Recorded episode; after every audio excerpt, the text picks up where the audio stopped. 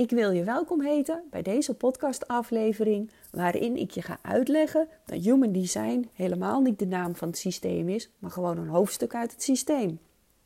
Ik ben Edith Kuiper en met mijn man heb ik een dierenkliniek die net even anders werkt dan een gemiddelde dierenkliniek. Inmiddels zijn we al ruim 7 jaar bezig met Human Design en in 2017 zijn we ook begonnen met het Human Design systeem te implementeren binnen ons team. We kennen elkaars strategie en autoriteit en houden daar dus ook gewoon rekening mee. Iedere dag ben ik met Human Design bezig en meerdere keren in de week ook met Animal Design. En nog steeds ben ik gewoon niet uitgekeken of verveelt het me. Integendeel. En hoe meer ik hiervan leer, hoe meer ik de verdieping inga, hoe meer vertrouwen ik krijg in het systeem. En mijn ervaring in het verleden met studies was nogal anders. Dan was ik heel enthousiast. En dan begon ik uh, ja, dat te leren of te studeren. En eigenlijk hoe meer ik de verdieping in ging, dan kreeg ik ook wel meer helderheid. En, en natuurlijk van elke studie leer je wel. Maar vaak kreeg ik dan ook dat er meer twijfel naar boven kwam. Of dat er vraagtekens naar boven kwamen. En ja, ik ben een persoon die dus vragen stelt. En ja, dan gebeurde het regelmatig dat die vragen dus niet beantwoord konden worden. Dus dan had ik zo'n studie gedaan en dan was ik klaar. En natuurlijk een stuk wijsheid erbij, maar ook wel een stukje ja, vertwijfeling. Nou, dat heb ik dus met Human Design dus helemaal niet. Hoe meer ik leer, hoe meer ik juist net in het systeem ga geloven.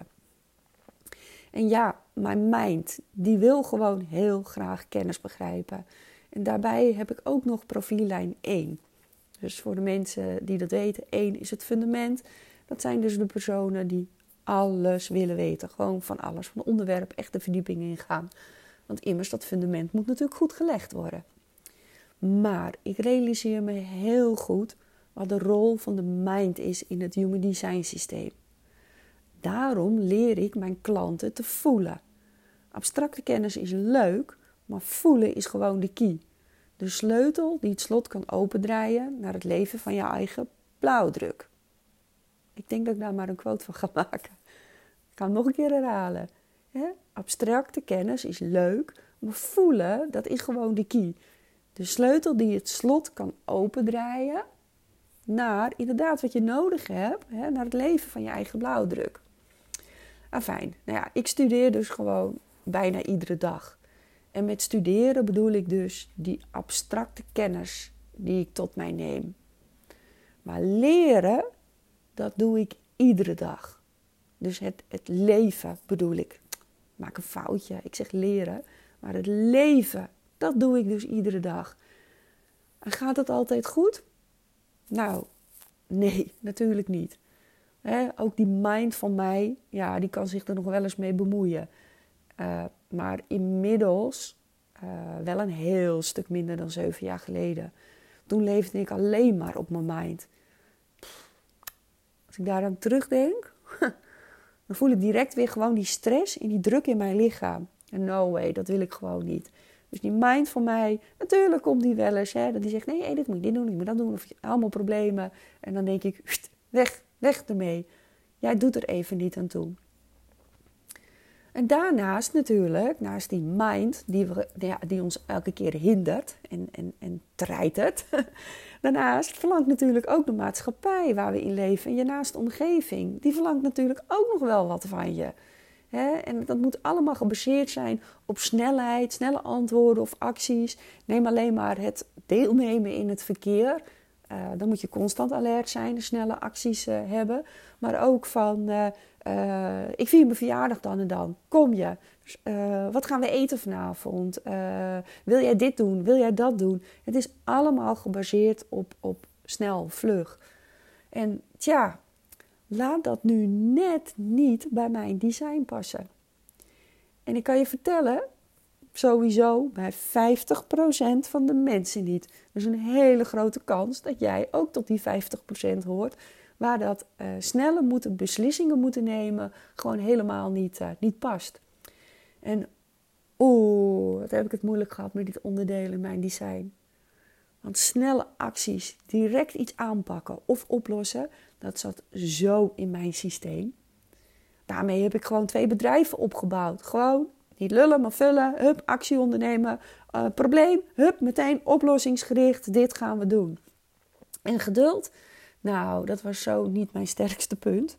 Echt, ik had absoluut geen geduld. En dat heeft me natuurlijk ook wel wat gebracht. Twee mooie bedrijven. Mensen die daarin werken, die het ontzettend naar hun zin hebben. Maar uh, het heeft mij persoonlijk niet zoveel gebracht. Waar ik nu mee bezig ben, hè, sinds de Human Design, en waar ik dus nu mee bezig ben, het studeren van de Human Design, het helpen nu van de mensen, het helpen van de dieren, hè, uh, daarmee ook. ja, dat maakt mij gewoon heel erg gelukkig. voor de goede observeerders, die zullen het waarschijnlijk ook al horen in mijn stem. Dat mijn stem verandert. Als ik het heb over animal design en over klanten helpen met human design, ja, ja, daar word ik gewoon heel blij en vrolijk van. Maar mijn mechanisme dus in mijn design, en dus bij heel veel mensen, is juist om te wachten en geduld te hebben. En dat vond ik dus helemaal niet grappig. En ik begreep er in het begin ook gewoon helemaal geen snars van. Het is bij mij ook nog onbewust gedefinieerd, dus rood gekleurd. Maar inmiddels leef ik het behoorlijk goed.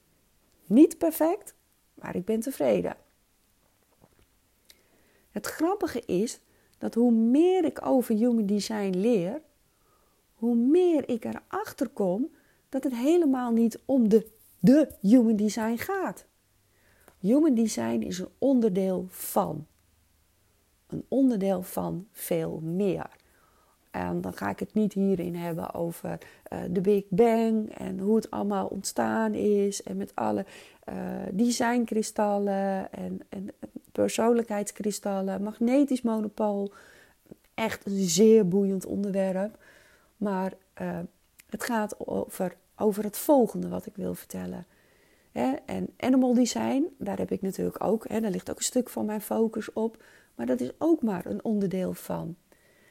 Wat ik wil benadrukken, dat er nog veel meer designs zijn, zoals van cellen, planten, insecten, vissen, vogels en reptielen.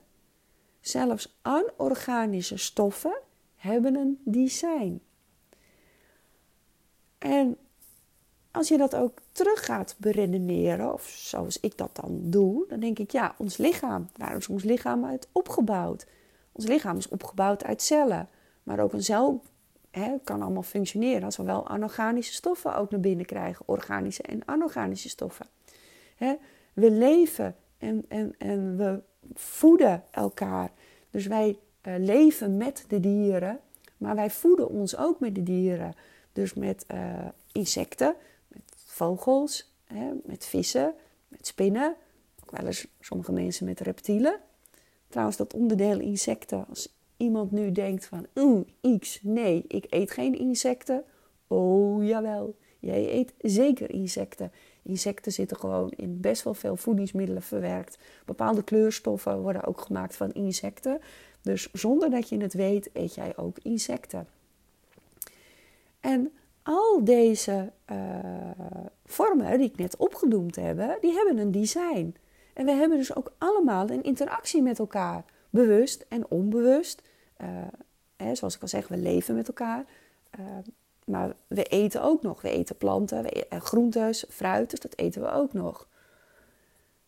En allemaal hebben ze dus een eigen design. De focus van de meerderheid van de mensen ligt op human design. En dat is logisch. Hè? En ook bij mij was het noemen van human design er zo ingebakken totdat animal design een grote rol in mijn leven ging spelen. Iedere dag ben ik er dus mee bezig en studeer ik verder de verdieping in. En momenteel ben ik op een punt gekomen dat ik dit mooie werkingsmechanisme liever niet meer human design wil noemen. Het gaat namelijk over het design van vormen. We gebruiken dus de verkeerde benaming. Human design is een onderdeel van het design van vormen. Net als dat animal design er een onderdeel van is. Ga ik nu de naam van deze podcast wijzigen? Nee, dat doe ik niet, omdat de naam gewoon prima is. Ik wil graag animal design bekender maken, zodat we een fijnere en respectvollere interactie tussen mensen en dieren kunnen krijgen. En daarom blijft het gewoon animal design en human design. He, zie de link. Wat ik wel ga doen, ga doen, gewoon omdat ik dat leuk vind en meestal dan ook belangrijk vind om af en toe wat kennis te geven over de andere designvormen. Ik studeer, ik experimenteer en ik hou pauzes. En kom dan gewoon weer in actie wanneer de energie bij mij er weer is. En zo gebeurt het wel eens dat er een uh, lange tijd uh, even niks van mij hoort. Maar zo blijf ik wel bij mijn eigen design. En kan ik op een juiste manier mijn kennis en ervaring op een fijne manier ook delen aan jullie. En uh, ik start aankomende november met mijn opleiding tot professional analyst. Ik heb daar zo enorm veel zin in. Ik ben ook heel benieuwd wat ik daarvan ook weer allemaal aan jullie kan delen. Dus ik zeg gewoon tot de volgende podcast.